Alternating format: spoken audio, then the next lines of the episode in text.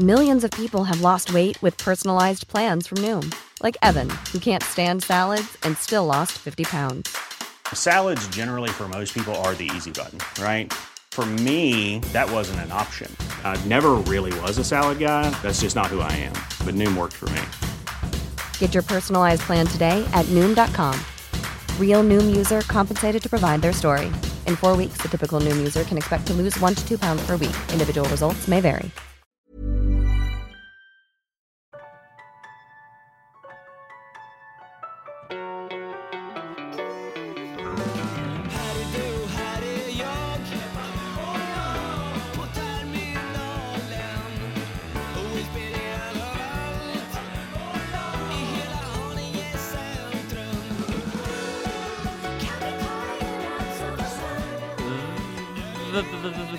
Välkomna till Ekstedt Sport som Orup hade skulle ha sagt. Vilken bra signatur vi har. Och han hade då stammat ännu mer än vad du gjorde. Eller Honken, Ja. Hon- Honken Holmqvist kanske. Ja, Honken det. också. Vilka andra stammar har Tänk att vi? fick lära oss förra veckan att Honken stammade, visste inte jag.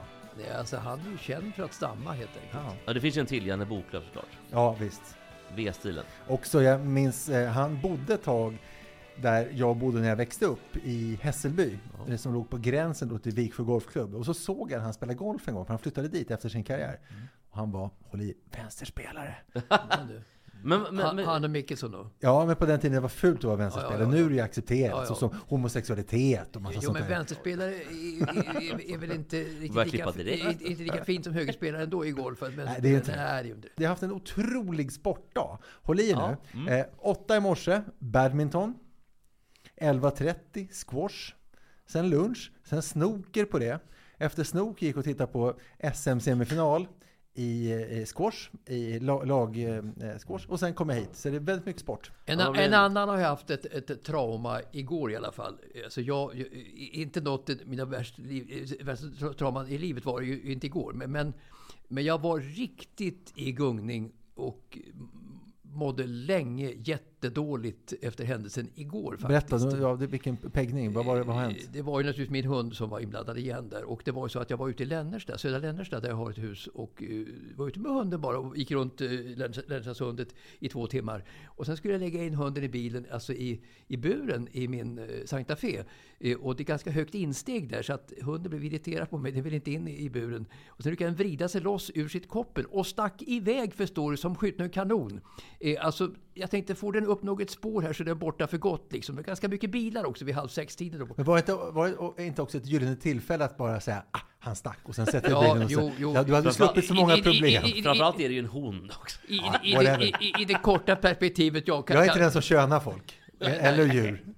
Ja, du gjorde ju det med han visserligen. Men- Ja, men- men- ja, men- det- Nej, Jag är så, så, jag är så vidsynt förstår du. Men, men jag lyckades ändå, alltså jag fick ju då, eh, alltså jag tänkte att den kommer kanske till och med bli överkörd om den inte försvinner för gott här. Den skäller ju inte som tidigare hund har haft djur, så man kan ju inte spåra hunden med skäll skallet. Eh, Utan är det ett rådjur, en hare liknande, så kommer hunden bara försvinna här. Och så jag rusade efter så mycket jag pallade då och sen höll jag på faktiskt i 45 minuter och sprang så mycket jag orkade i ett skogsområde efter hunden i 45 minuter. Eh, Och utan att få tag i hunden överhuvudtaget. En kille skrek en bit ifrån mig som hade en annan hund. Och ska jag hjälpa dig? Ja, ja, ja, ja, ja, ja, det skrek jag tillbaka då. Då kom killen upp i alla fall med sin hund då. Ska jag försöka få tag i hunden? sa han då. Ja, jag vet inte, sa jag. Det, det är inte så lämpligt kanske. Jag gör det ändå, sa killen och blev biten i handen förstår du. Ett ordentligt bett i Av handen. din hund Ja, min alltså? hund. Av stackars kille förstår du. Eh, Så, så att, eh, att jag skrek utav smärta när jag noterade detta då. Jag, ja, det Först skrek han av smärta på riktigt och sen skrek du, skrek du av smärta för jag att du såg skrek av smärta, liksom att jag fick se detta som ja, min hund. Men vad sa killen då? Blev han sur? Nej, eller? det gjorde inte så mycket, sa han. Eh, Och, och sen då så... det. så Sen får han stelkramp och dör. Ja, stelkramp. Men, men sen då i alla fall tänkte jag att har du en mobil på dig så att du håller... Ja, jag hade annan då.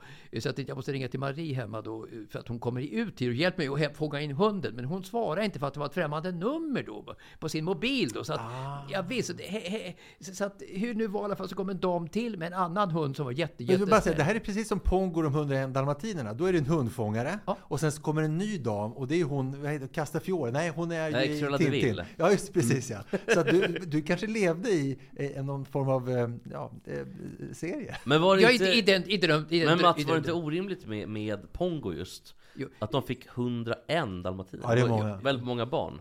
Det, har, det, skulle, det finns ju inte. Dalmatiner, det finns nästan inte längre sådana Ja, de, hundar. de bits mycket har jag hört. De är, de är väl ganska dumma hundar generellt sett. Ja, Alltså vet, vet, vet, ni, var- vet ni var de kommer ifrån och varför de heter Nej. dalmatiner? Ja, dal, alltså Dolomiterna, antar jag? Nej, Dalmatien i- Dalmatien i i, Kroatien. Kroatien. ja. Mm. Adrenalinet pumpade då, så att jag, jag kände inte liksom då, eh, eh, alltså eh, denna smärta och denna otroliga ångest som jag nog kände överhuvudtaget. Tänk om hunden blir överkörd, tänk om den försvinner överhuvudtaget. Vad ska jag då göra? Den stack iväg så vansinnigt fort och sprang liksom runt varv och jag sprang efter. Och jag höll mig uppe då på ett eh, köl, eh, tack vare att jag hade så mycket adrenalinpåslag överhuvudtaget. Så i 45 minuter sprang jag som en dåre efter, efter hunden då. Jag gick ner på en väg då som går, det går förbi Lännerstasundet då, Södra Lännersta, eh, Saltsjöbo handlar det om. Så att jag semaforerade då, liksom, kastade upp armar och ben i luften när bilarna kom. För att det är en hund som springer på vägen här. Och så där. Så jag kan stoppa en mängd olika bilar vid, vid halv sex-tiden igår då. Vilken syn! Vilken syn! Alltså semaforerade med armar. Armarna gick som väderkvarnar och så vidare. Så, så till slut i alla fall så, så lyckas hunden i alla fall vid, vid min bil i alla fall säcka ihop av trötthet. Så att jag lyckas få in den i bilen med, med den här damens försorg då. Eh, som höll upp eh, ja, buren och alltihopa det där. Så att hunden in där. Men sen kom ju då tröttheten och, och, hos mig då. Alltså lite chock faktiskt. Det är mycket chock. För jag tänkte att eh, skulle vi förlora hunden här. Vad skulle hända med mig när det kommer ut och Marie får veta att jag Jo, har men vad vi var inne på, hade det inte varit lite skönt också samtidigt att släppa detta? I det yt- Nytt kapitel. I det ytterst korta perspektivet, innan Marie konfronteras med sanningen, kan, kan, kan, kan, kan jag säga. Eh, Så att i, detta, i denna historia i alla fall, eh, stackars mig, stackars Mats Strandberg, verkligen.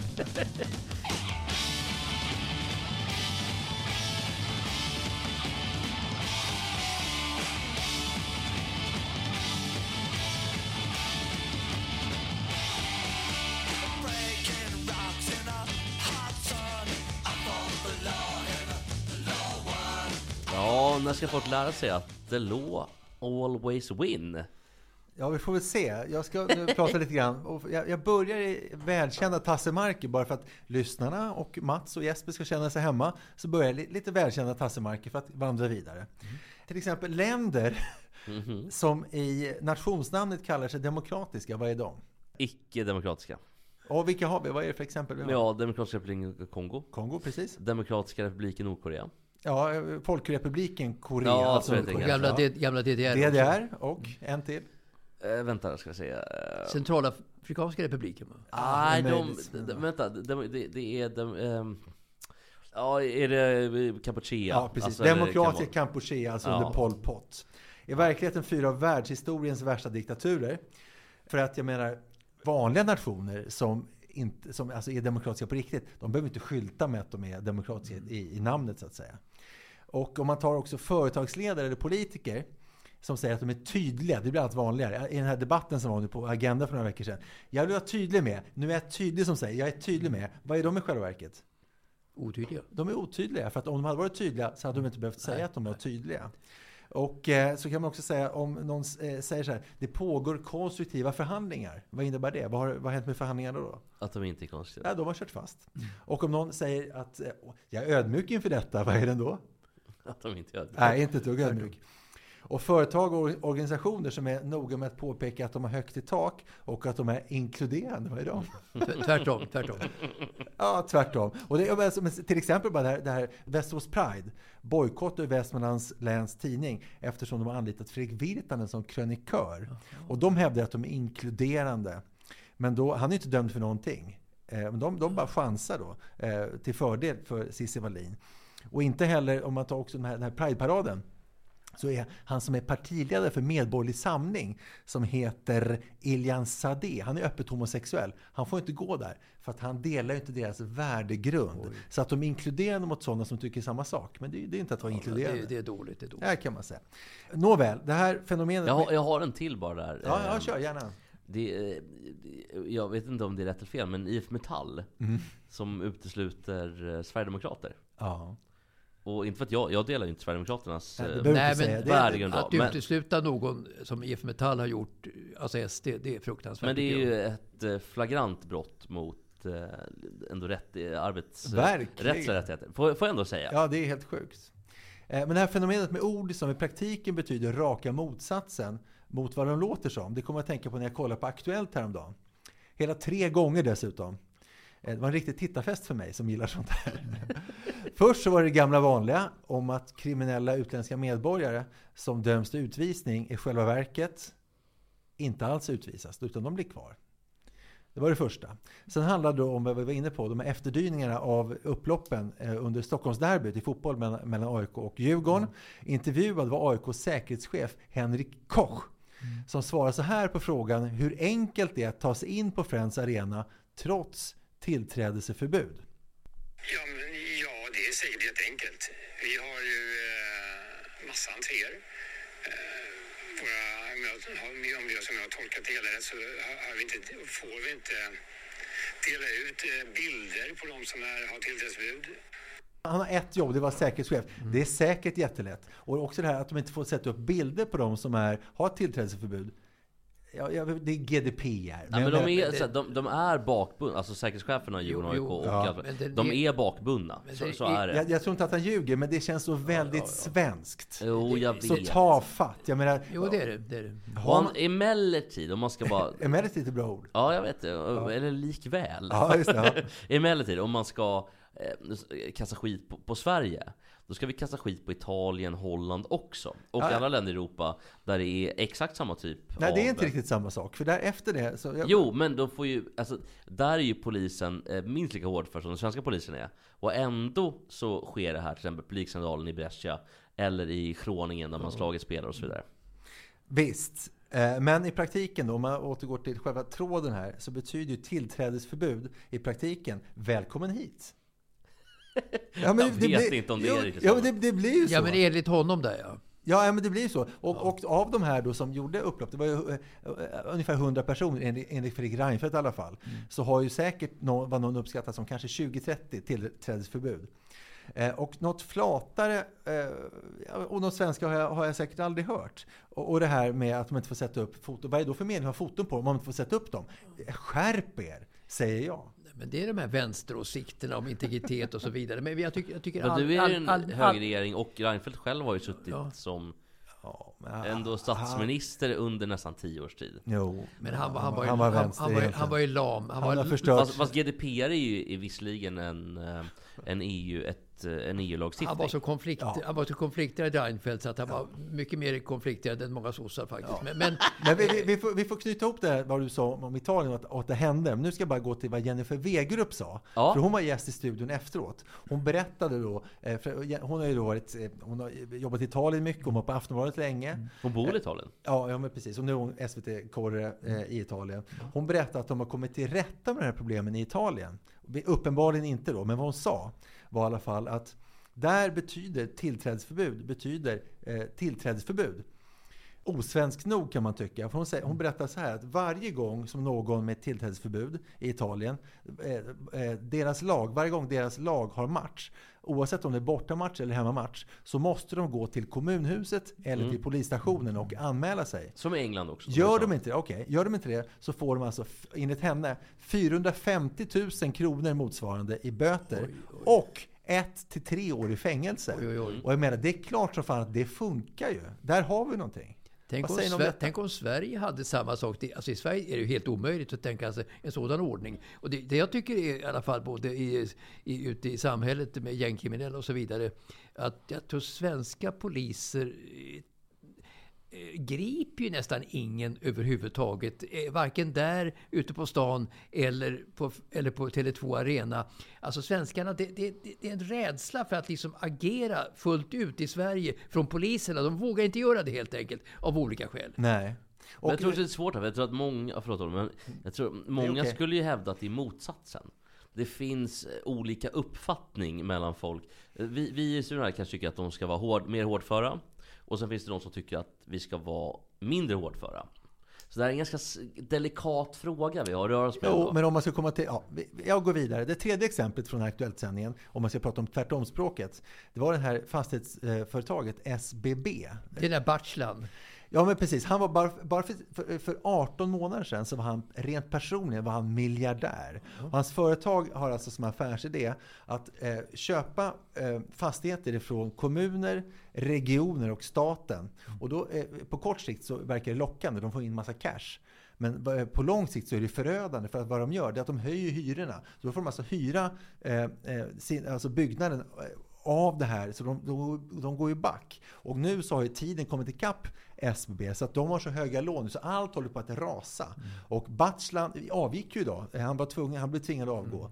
Och allt bara Han var väl pamp i Nynäshamn då? Sosse-pamp? Gammal sossepamp, ja. Precis. Han var ju en påläggskalv faktiskt att bli nästan sosse-ordförande faktiskt. så för, var ett, det. för ett antal år sedan. Ja, han var ju Ist- Salins högra hand ett istället, för Löfven faktiskt. Ja. 2013 när Löfven tog makten i sossarna så var ju han på Mm. gång faktiskt i Persland. Och han ansågs ju vara mycket duktigare än Stefan Löfven. Men det behövs ju inte mycket för att vara Nej, det behövs inte mycket. men, men, men, men, men, men, men i alla fall, nu har ju då det gamla vanliga då, har ju då med höga räntor och det gjort att det är svårt att betala tillbaka lånen och då kommer ju som Mats Carlgren och byggherrarna på 90-talet också när Sverige hade finanskris. Att de fick ju lämna sina stora enorma innehav därför att de kunde inte betala räntorna. Nej, men precis. det, det är klassiskt. Men då i alla fall, när han då för, eh, bolaget startades så sent som 2016 och när han då kom, dök upp till de här till stat, statliga institutioner och sa så här, Hallå, jag gillar, gillar Battlan, eh, kan jag få tjacka här?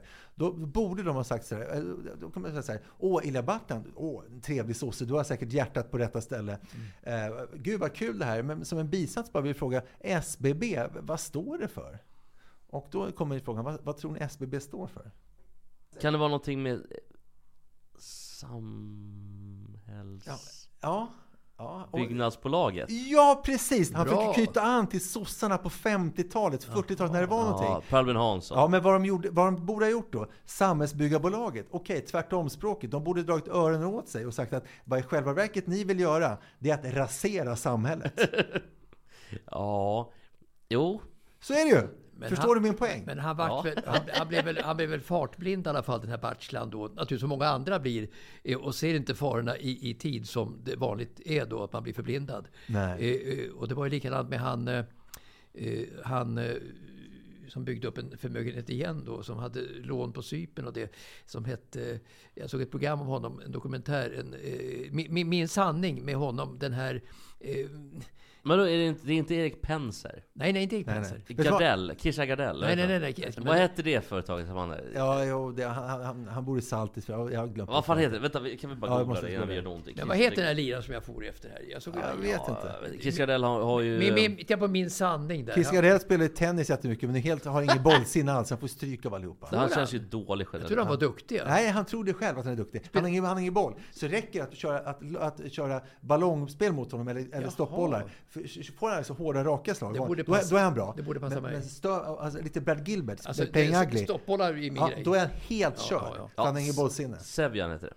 Ja, men det heter det. Eller vad, vad hette den här killen nu? Alltså, det, Men vad sa vi? Min sanning? min sanning. Vilka var med det som min sanning? Ja. Finansman. Finansman, ja. Du tänker på Roger. Akelius då? Akelius. Jo. Akelius, det är finans. Roger- det är- finans-. Roger Akelius. Och återigen, han blev alltså mördad i stort sett utav Hans Cavalli Björkman på SE-banken i Malmö. Som satte honom i konkurs då för ett antal år sedan.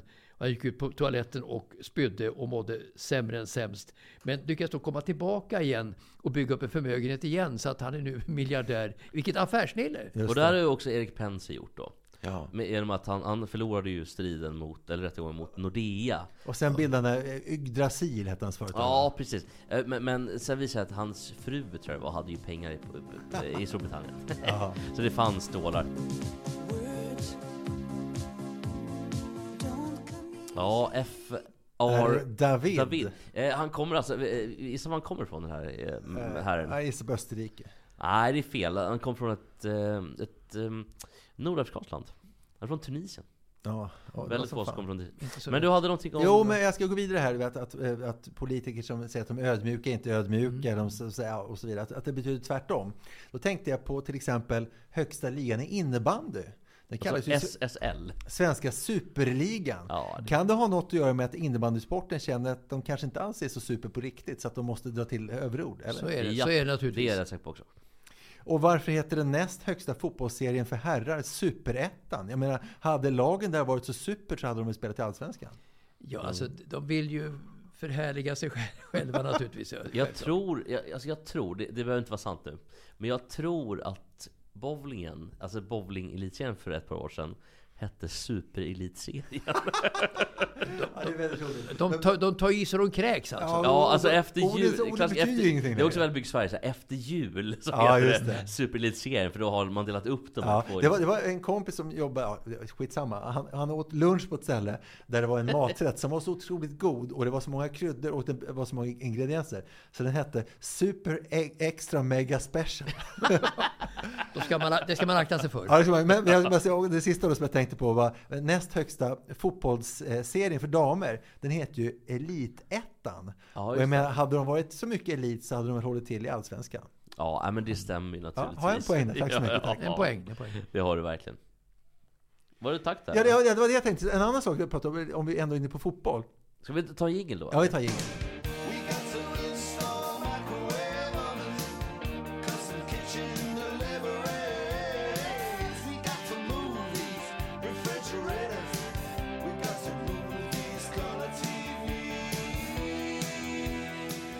Alltså först Ronaldo till Saudiarabien.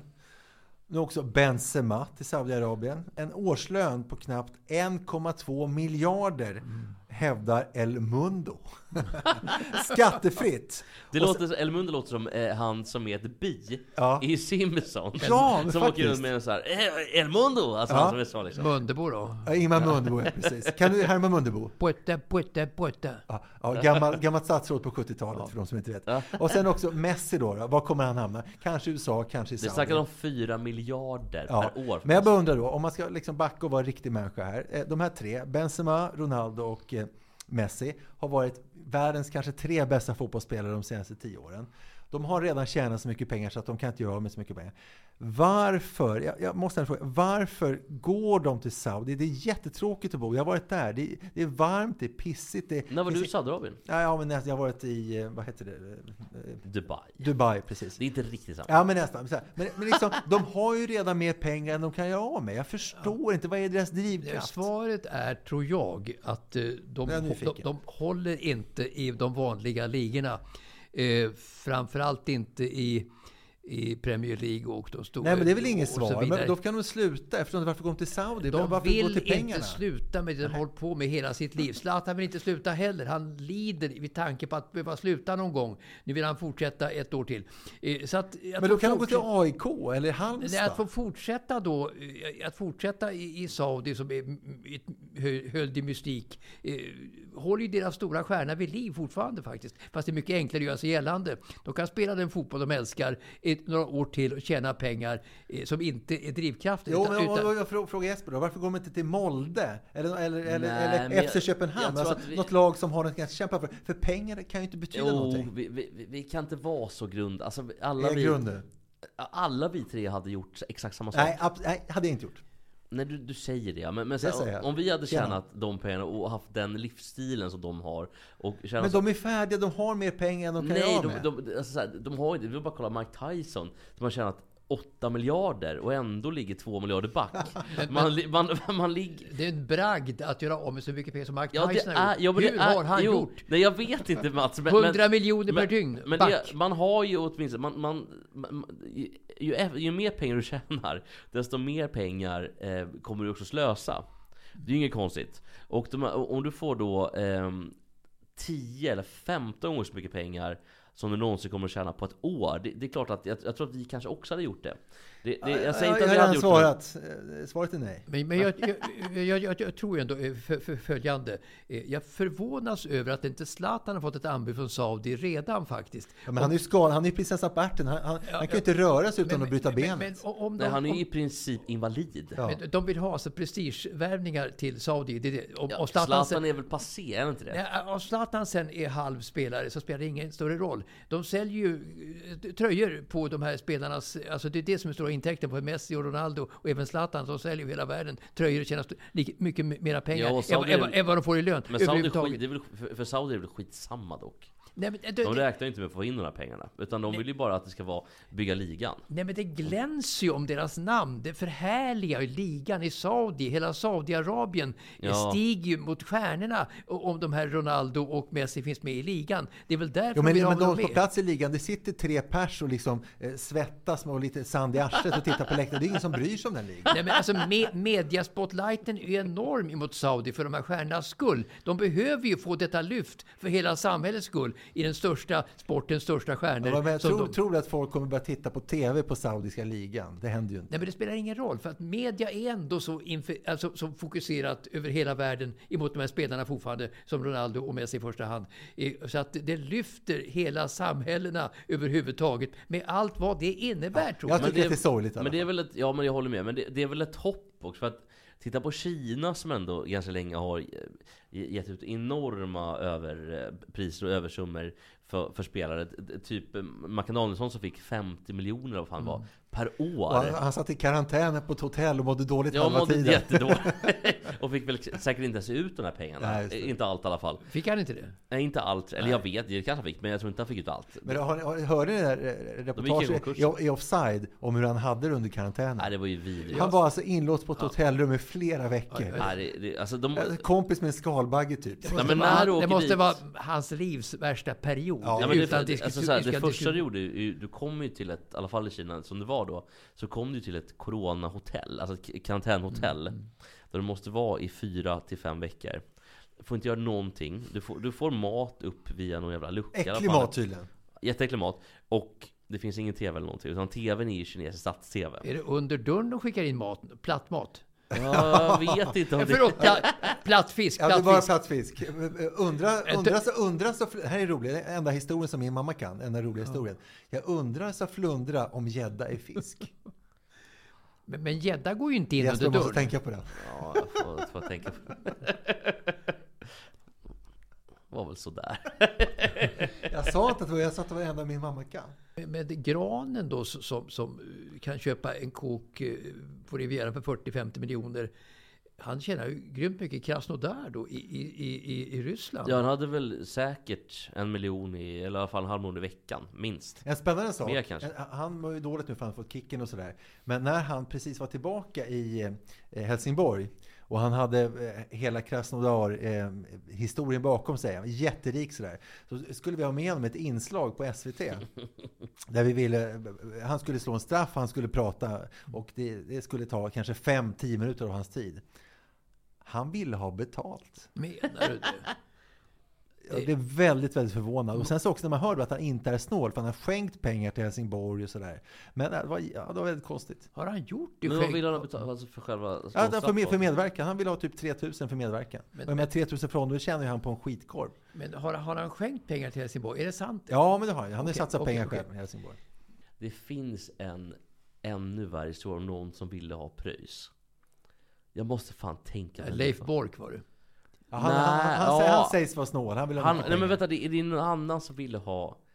Ja, jag, jag kan berätta att Niklas Lidströms 50-årsfest har, har jag hört från många källor. Eh, Han hade ju självkostnadspris i baren. Ja, Men- Leffe Bork, när jag var på radion då som expertkommentator, det var väl inte så jä- jätterik, men han skulle ju ha bilersättning tror jag, när han i stort sett bara körde inom, inom Stockholms tullar och det. Kanske skulle köpa Expressen någonstans vid Karlaplan och tillbaka till Radiohuset. Då ville han ha eh, 7-8 kronor för det, för den bilresan. Jag har hört att han var, att han var sjuk när det gällde pengar på TV4 också. så att det- vem då? Leffe Bork? Ja, Jag har en bättre. låt höra. Jo, eh, Hasse Backe. Varje gång som det blir en eh, längre sändning, alltså om det är en till exempel Champions League-match då som går över klockan 12, då skickar han dubbla fakturor. Jag menar du? då skickar han Men, dubbla men, men, men Leffe Bork snackas ändå, ändå om, om Leffe, om jag kan snacka skit om Leffe Bork. Det var då, När vände det igång, han, han bodde på ett hotell som de, jag vet inte, ett, ett, ett, ett, ett hotell i, i, i, i Uppsala som eh, Alltså det är inte viktigt vad det hette hotellet. som jag ätit jätteofta på. De hade en matsal förr i världen i alla fall. Det ligger i utkanten av Uppsala, Scandic, Scandic. Eh, Och, och, där, och, och han stod och väntade då. Till, det var en polare till honom som skulle käka lunch med en affärskompis. och, och då stod han och väntade liksom uppe i trappan då, till de hade kommit där. Så gick han ner bara, lokade över en händelse och kom han förbi och satte sig vid bordet då. Och det, det här tar ni grabbar, sa han då. Alltså käket då. Ah. Ah, alltså smyga ner och äta gratis på det sättet. Det är nästan sjukt. Ja, det är fult. Det är sjukt. Det är Ja, det är sjukt. sjukligt.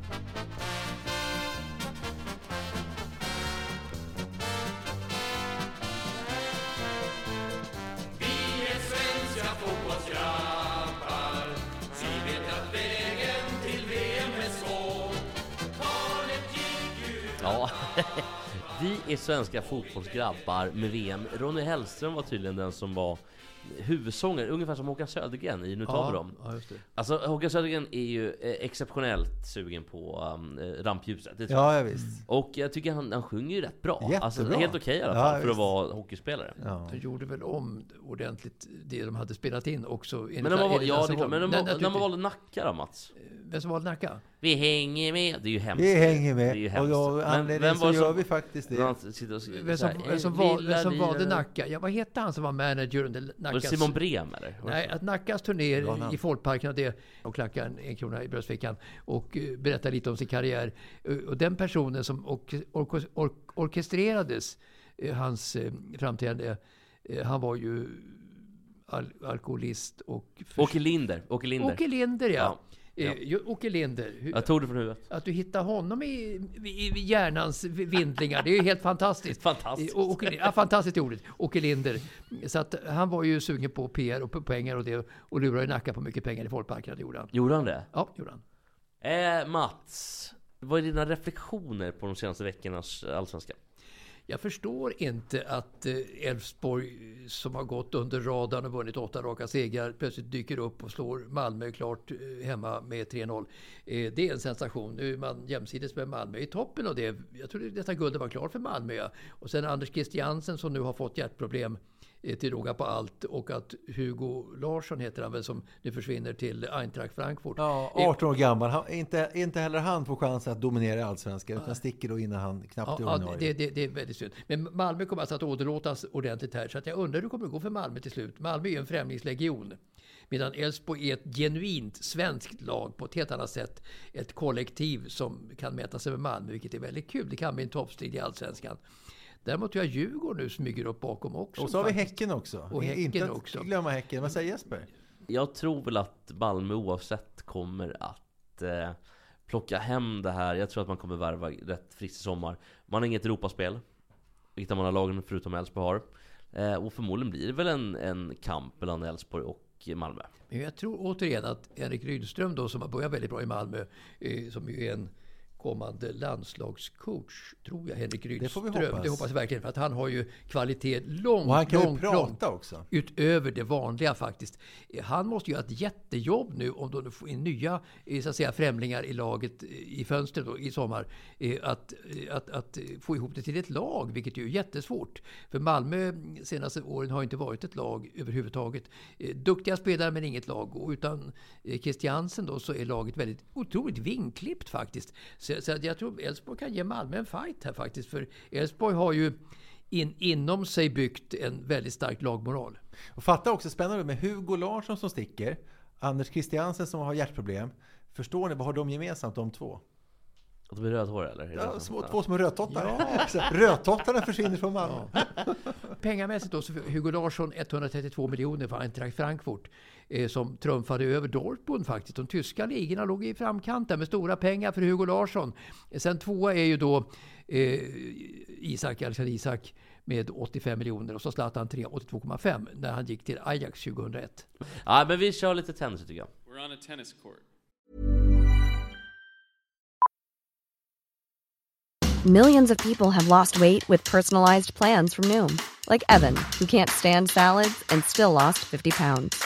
Salads, generally, for most people, are the easy button, right? For me, that wasn't an option. I never really was a salad guy. That's just not who I am. But Noom worked for me. Get your personalized plan today at Noom.com. Real Noom user compensated to provide their story. In four weeks, the typical Noom user can expect to lose one to two pounds per week. Individual results may vary. Millions of people have lost weight with personalized plans from Noom, like Evan, who can't stand salads and still lost 50 pounds. Salads, generally, for most people, are the easy button, right? For me, that wasn't an option. I never really was a salad guy. That's just not who I am. But Noom worked for me. Get your personalized plan today at Noom.com. Real Noom user compensated to provide their story. In four weeks, the typical Noom user can expect to lose one to two pounds per week. Individual results may vary.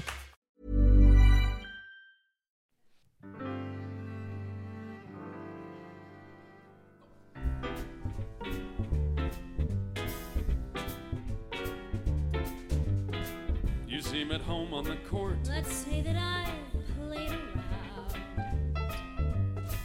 Well, you don't Det där är typ det värsta musik jag vet. Ja, den, den Det verkar ska vara så rolig, det är lite såhär Broadway, vara rolig Broadway-musik. Ja. Michael Bublé-musik. Fy Ja, och man fan. ser, man ser busslaster komma dit och man tycker synd om Ja, allihopa. de där två som satt och sjöng, så- de var så nöjda. Laura och Santiano. Men Michael Bublé, är inte han? Gillar du Mi- Michael Bublé? Mm. Ja, oavsett vad, så skulle, eh, hörni, eh, eh, tennis och Franska öppna pågår för fullt. Hur mycket kollar ni?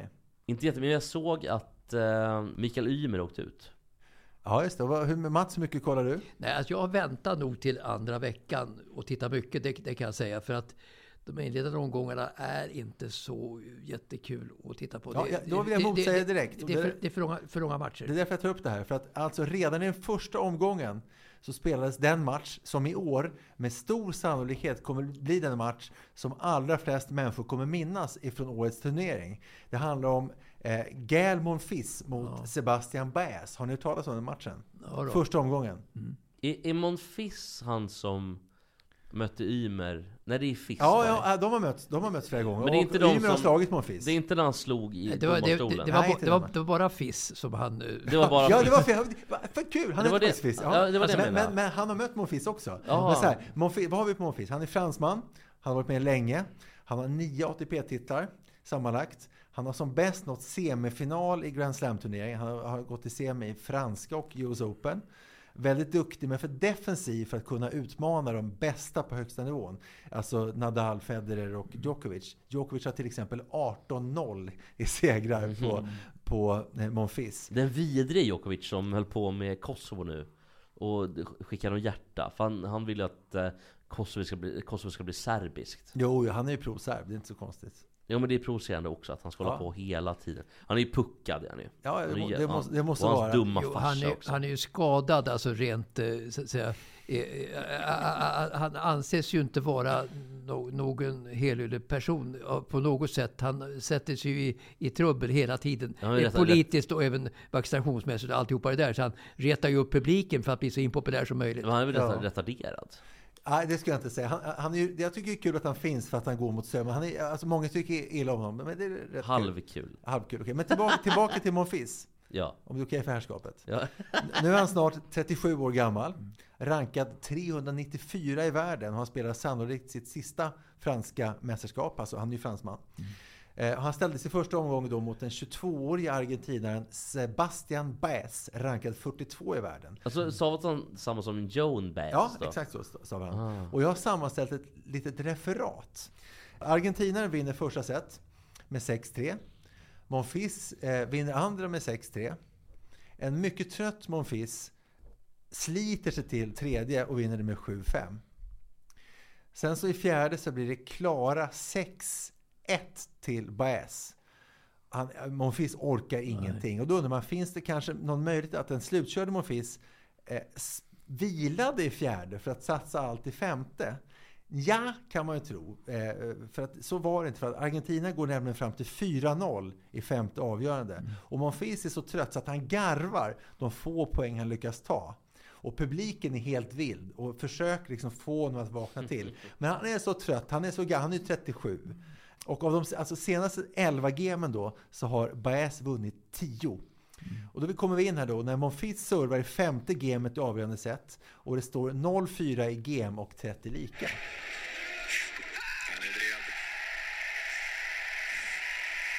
Sista, sista, sista chansen nu. 30-40 och Baez har breakboll fram till 5-0 nu, för det var sista chansen sa kommentatorn. Men här lyckas Monfils ta tre bollar på raken. Han vinner gamet och får 1-4. Hemmapubliken i Paris är i extas.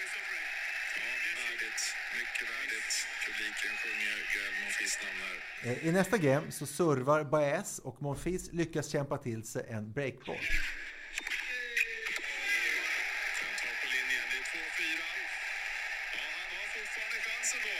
Alltså, överraskande. Och klockan är alltså nu på natten 23.50.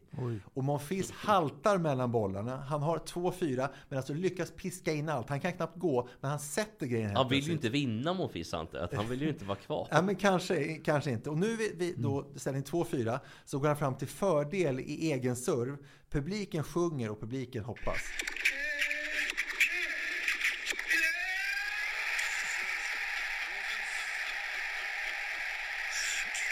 Bland det hårdaste slaget man har sett. Vilken forehand! Och det är 4-3. Fortfarande breakup för Baez. Men nu gäller det för Argentina att hålla nerverna i styr här. För hela Paris är bakom den här mannen och han är tämligen. Men fortfarande alltså ett break-up eh, till Argentina. Och nu så ska då den otroligt ensamme, förstår? Alltså han har hela Paris emot sig. Folk står och skriker. Han ska upp nu och försöka serva då, ta, ta det här gamet. Han ska försöka serva hem så han har 5-3 det femte avgörande. Och hela stadion står upp och sjunger för full hals.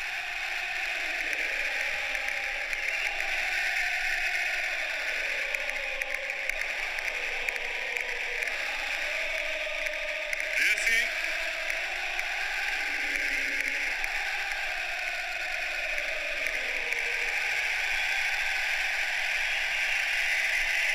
Ja, det är otroligt. eh, Vilken stämning det är i gåshud.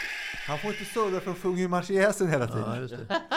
Alltså, det, det är otroligt. Men då när Marse- Mar- Marseillesen till slut har tystnat så får Baez äntligen börja serva och han pressar som fan. Han går fram till 30-0 och fortsätter try- trycka på i bollarna. Monfils är alltså uppe på läktaren nästan. Han är så långt bak. Men också som, vilket som är skälet till att han aldrig lyckas slå Djokovic som andra, för han är för långt bak. Och han jagar och han jagar, han jagar. Och han grimaserar illa.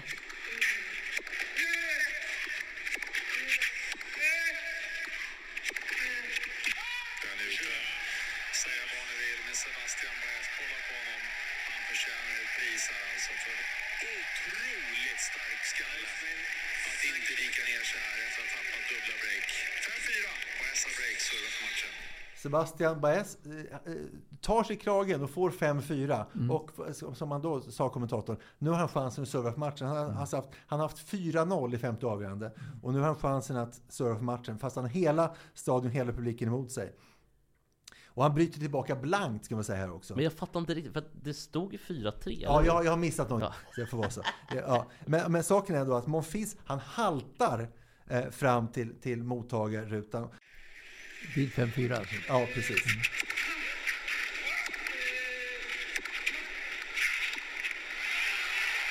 Sitter den?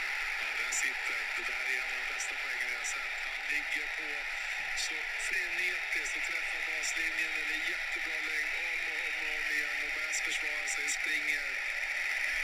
Helt otroligt. Breakbollen tillbaka till lika. Monfils bryter alltså eh, tillbaka till fem lika. Han har egen serv och eh, går fram till fördel. Alltså han har chansen att gå fram till 6-5 ledning i femte set. Ja, det är helt sjukt antagligen också.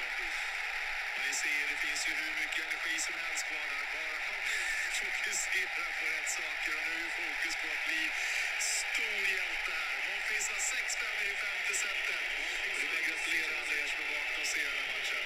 Argentina som alltså nyss eh, var, nästan vunnit. Sebastian Han, Baez. Baez, precis. Han, han- ska nu serva för att vara kvar i matchen. Och nu spelar han ganska bra. Han går upp till 30-15 som blir 30 lika. Och sen en asbra boll som eh, Baez eh, vinner. Så det blir 40-30. Och så blir det gameboll till Baez som Monfils räddar. Men han har kramp i benet. Och sen ställer han sig inte upp för att ta emot serven nästa gång. Så han får en varning av domaren.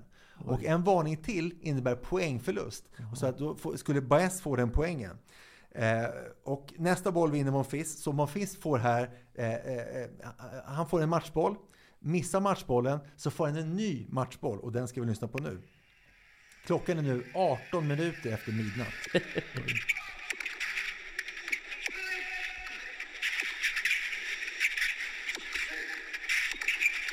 Där sitter Gael Monfils, gör det omöjliga. Han breakar tillbaka två gånger och sen även en tredje gång. Och Monfils är vidare till nästa runda. Ja, alltså största matchen kanske på hela turneringen. Men det brukar, de som gör såna här hjälteinsatser, vänder så mycket och är så trötta, de brukar vara körda nästa omgång. Eller hur Mats? Jo, jo, absolut säkert. Eh, Så kan man gummiarm för Baez. eh, Och det är klart, han fick väl gummiarm utav publik, Ja. publiken naturligtvis. Och i tennis är det svårt att eh, eh, vara oberörd när publiken är så som de är där. Det är det Ja, verkligen. men alltså hör, hörde du när de sjunger, står, alltså, sjunger Marseljäsen hela franska Jag var- Klockan är 12 på natten. Alltså, Baez ensam argentinare mot liksom tusentals fransmän. Det är svårt. Det är också att de hatar ju Argentina efter sommarens fotbolls-VM. Eller efter som, eller hö, det. höstens eh, vinter. Men eh, jag, jag blev också, jag var jättespänd på vem som skulle vinna. Ja. Jag trodde att hela tiden att Baez skulle vinna. Det trodde jag Men så också. Det vann trodde jag Måns. Det jag Fiss. också. Ja, Jag blev så glad. Ja. Jag blev jätteglad. Hoppas han har krafter kvar nu då till... Alltså grejen är att han kanske redan är ute nu när vi pratar. Ja, han har ju svårt att ta en gång till. Han är gammal, han är 37 men sådär. Men ändå, den här matchen, det kommer jag att minnas för alltid. Alltså antingen åker han ut direkt, eller så vinner han hela skiten. Ja. Nej, vinna hela skiten gör han ju inte. Men, Nej, men, det men gör det, det går ju inte. Men, men, men han åker sannolikt ut Ja. nästa match. Vilka andra, jag måste bara, vilka andra sådana Askungesagor har vi?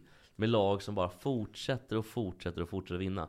Det är klart, Lake Placid-grejen, liksom, USA 80, ja. Det är ju en sån Ja. grej. Men vilka andra sådana? Det, det är klart, Grekland, EM 2004. Fast de var aldrig brygga riktigt. De bara tråkas genom hela turneringen. Ja, Okej, Men vill jag, säg så, vi gör lätt för oss, du och jag Jesper. Ja. Vill- Ordet till Mats Strandberg, berätta. Ja, det finns många, framförallt då kanske i pingis och tennis. Eh, I Nagoya 1971 så var ju Stellan Bengtsson ingalunda tänkt som en ens medaljör i singel. Alltså Hammaren. Nej, Nej. eh, Stellan Bengtsson ifrån Falkenberg. Är, är det Mini? De spelar dubbelt tillsammans, Hammaren och Stellan. Ja, alltså, min, Vem är Hammaren då? mi- Hammaren mi- var Kjell Johansson, dog i en Minister, flygolycka. minister, minister kallad Stellan Bengtsson. Eh, han vann ju guldet under Nagoya eh, efter en hjälteinsats som hette duga. Han var ju en enorm säga, de, sensation. gjorde- de gjorde en singel tillsammans, har du hört den? Hammaren och Stellan. Ja. Ja.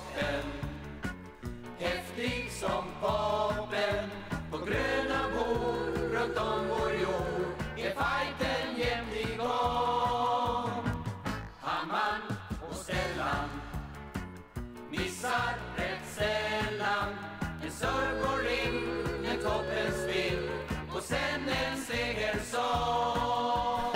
här var alltså, eh, Hasse Edler som vi nämnde tidigare, han drog ihop de här för han ville tjäna pengar på att de spelade in en låt. Ja, och det var ju samma som vi pratade om. eh, One more reggae for the road. Just det. Det var bättre nästan än, än, än Na- Nacka Skoglund, tycker jag det, här Ja. eh, faktiskt. Det var också Men- bättre, men- tajtare produktion. Ja, men, men, men Stellan Bengtsson dök ju upp som från ingenstans i alla fall som ett underbarn ifrån, ifrån Falkenberg och vann då guldet 1971 så som osidad spelare och vände hopplösa underlägen på vägen fram till finalen där han vann emot Ito Japan med 3-1 i set.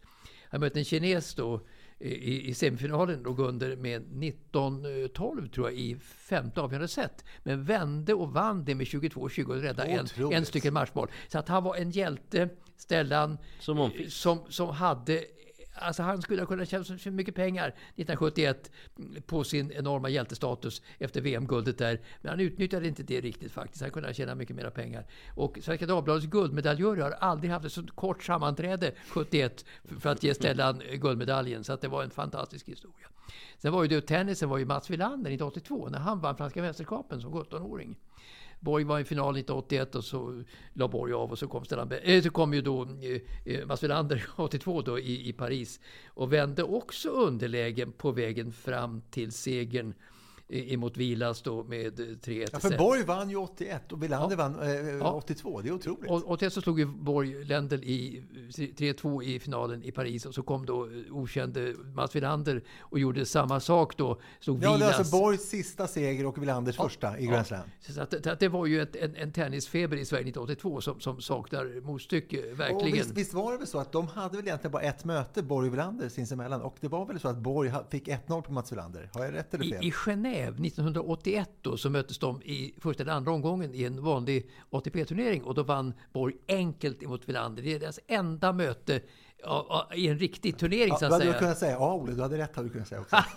Och det alla, alla inte vet är att gin kommer från Geneven Som visserligen är en holländsk dryck Men det kanske vi ska prata om något annat Men det var alltså Askungens Hage, det var ju Mats Wilander och Stellan Bengtsson. Så du jämföra dessa två insatser faktiskt, vilken var bättre än den andra. Eh, eh, lika sensationella båda två. Och pingisen var så stor 71 så att det var nästan i höjd med Wilanders insats faktiskt 1982, vilket man har svårt att fatta idag. Idag är ju pingisen nere för räkning. Men, men, men dessa två giganter så småningom i svensk idrott slog igenom på detta fantastiska sätt eh, med då 11 års mellanrum. Jag vill knyta an med mer tennis här nu. Alltså världens de 15 senaste årens bästa spelare.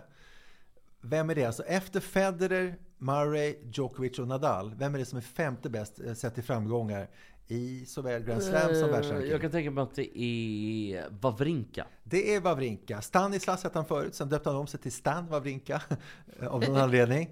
Han har alltså vunnit tre Grand Slam-titlar under eh, de, de fyra stora storhetstid. Det är ändå stort ändå Visst är det det?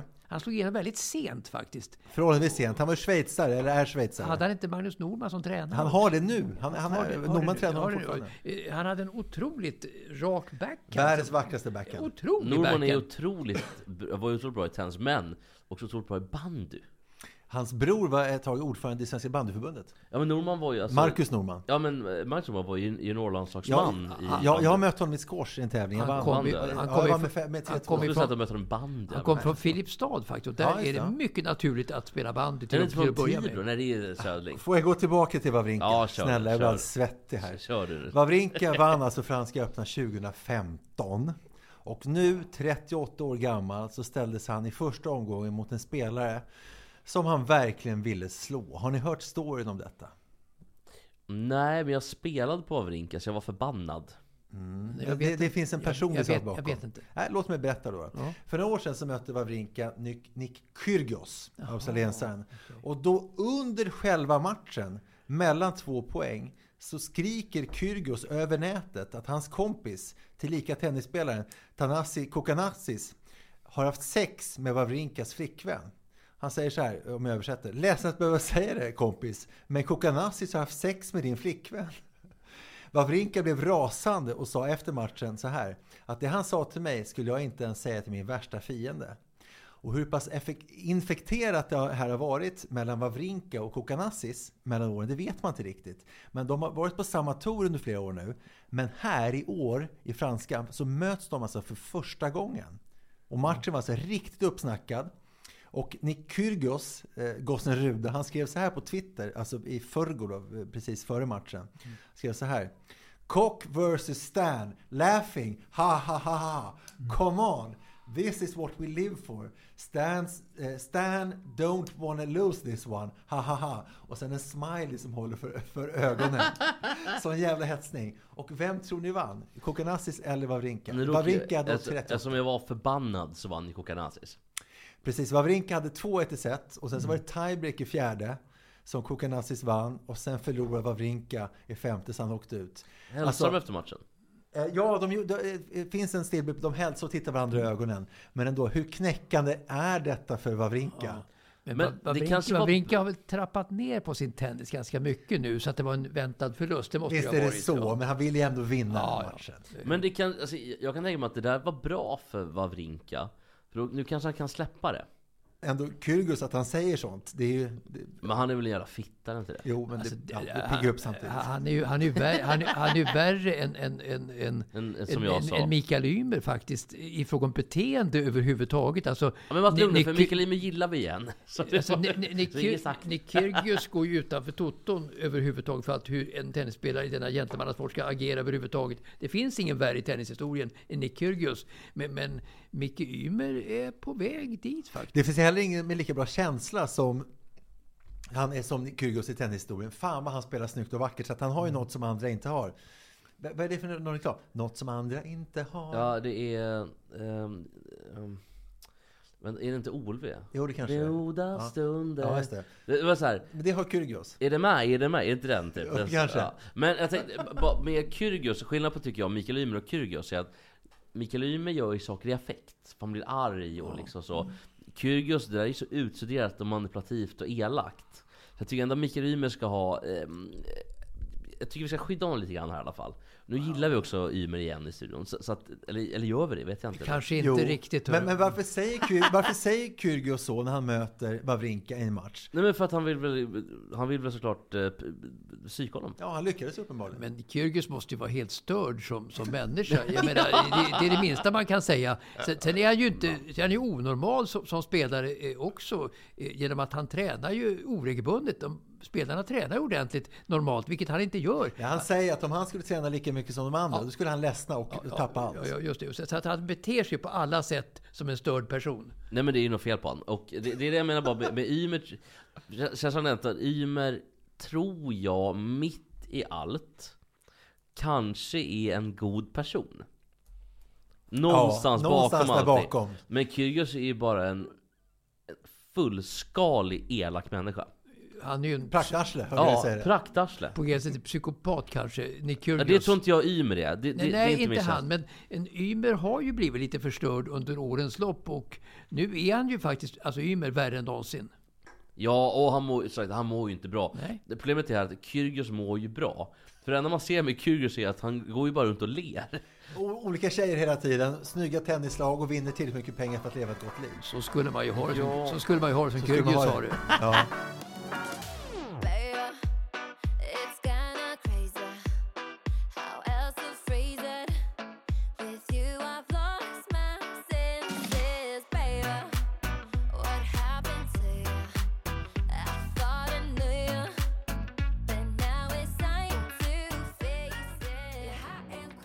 Champions League-final. På, um, nä, det är på nästa, Ti- 10 juni. nästa lördag, precis. Och det är ju då Man, Man City mot um, Inter. Inter. Och eh, det har hänt grejer i Polen. För att den här domaren då, eh, Marciniak heter han. Szymon... Eh, Som Ma- dömde VM-finalen. Precis, han är ju världens bästa domare skulle jag säga. Han är ju eh, exceptionellt bra. Eh, men han har varit i eh, blåsväder. Jaha. Och eh, han har ställt upp på något konvent eller liknande. Det är bara det att det här eventet har kopplingar till extremhögern. Jag trodde du skulle säga SD. Nej, ja, den polska...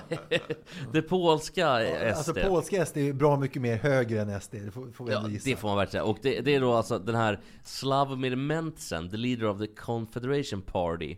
Eh, och the Confederation Party är ju då Polens typ SD. Fast de är mycket, mycket, mycket värre. Och eh, de har ju... De har ju Jo, men de, här, alltså, de som leder landet nu, bröderna Kuczynski, en dog i en helikopterolycka. En ju Ja, exakt, precis. Alltså, de är ju högre om SD redan som det är. De Ja, som leder landet. och den här mannen då, han är alltså libertarian och jättehöger. Så det är, naturligtvis ingen bra människa. Eh, men ehm, den här Marciniak då, har inte riktigt vetat om det här. För han har gått ut efteråt att jag har ingenting, jag visste inte alls vad det här var för någonting. Eh, för att det var ju, det har ju varit tal om att han inte ska få döma den här finalen då. Och eh, Mentsen är känd för att han till exempel har sagt eh, en politisk slogan som är så här. Vi står emot judar, bögar, abort, skatter och EU. Så det han är... HBT, Tydligt. HBTQ-personer då? Ja, det var ju... b- b- Bögarna får väl vara med Ja, där okej, och okej. kanske. Ja. Eh, och ehm, han har också varit emot och han eh, har varit med i någonting som heter White IPA eh, Matters. vilken, som frä, då- vilken fräsch kille. Ja men det är ett, ett superas. Ja. Men det visar att den här Marciniak då, han har inte vetat om det alls utan han är ju sosse om jag fattar rätt. Alltså, han är vänster. Säger han i alla fall. För han säger att allt det här står, står liksom i... Vad säger jag med vänster Emot. och så här, så vad, vad sk- politiska skalor är i olika länder är lite olika. Vi spelade ett program en gång eh, där vi åkte hälsa på Romario. Eh, gamle, han är ju vänsterpolitiker i eh, Brasilien. Då hade gjort ett, ett vänsterquiz med honom om liksom eh, politik. Om Marx, eh, Lenin, alltså lite sådana Mhm. grejer. Han hade inte en susning om någonting. Och så pratade vi med andra, alltså politiska kännare i Brasilien. och säger alltså vänstern i Brasilien har ingenting med vänstern i övriga delar av världen att göra. De kan, eh, fattar ingenting. Så att det är lite- olika bara. Nej men jag fattar det. Men, men i Polen är ju ändå lite mer, lite mer lik Sverige kanske. Alltså om man jämför Ja, med Men det i Pol- Brasilien. Polen har ju ändå en grogrund eh, historiskt och det för att vara mycket mer konservativt eh, och, så, och icke förlåtande jämfört med Sverige till Ja, exempel. men alltså, om man bara tar, om man tar eh, abortfrågan så är Irland och Polen är de som är mest konservativa mot eh, abort av alla länder. Ja, mycket värre än till exempel Italien då, och, Ja, och Frankrike. Men, men alltså Polen är ett jävla skitland på många sätt och vis. Och i det här fallet då så har i alla fall Marciniak varit med på den här, det här konventet då som den här eh, Mentsen ha, har organiserat. Men han har inte vetat om det och nu får han döma. Sen kan man väl tycka att han var mm, kanske lite mm, lite godtrogen. Lite naiv, att man får nog kolla upp vad man ska göra för någonting för det är ändå Man som Stefan Löfven, na- naiv. Mats, jag vill att du berättar om hockey och då ska vi köra en jingel innan.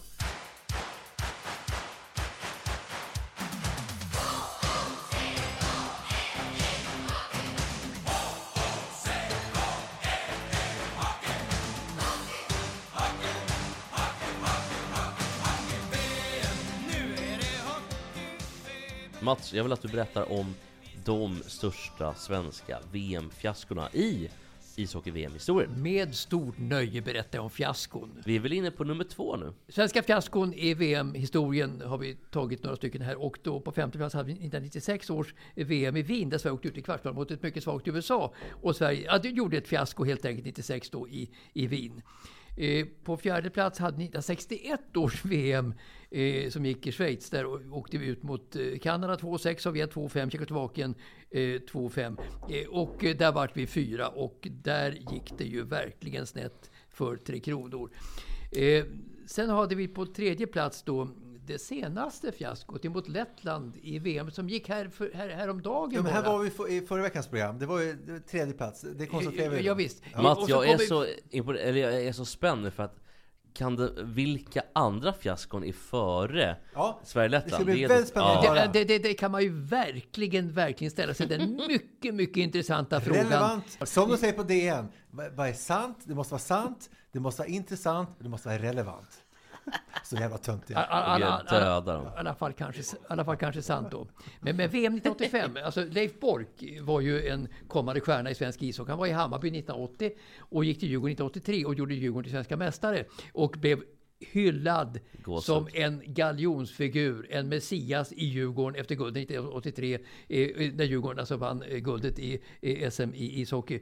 Eh, 84 så förde ju Bork Sverige till en finalplats i Canada Cup faktiskt.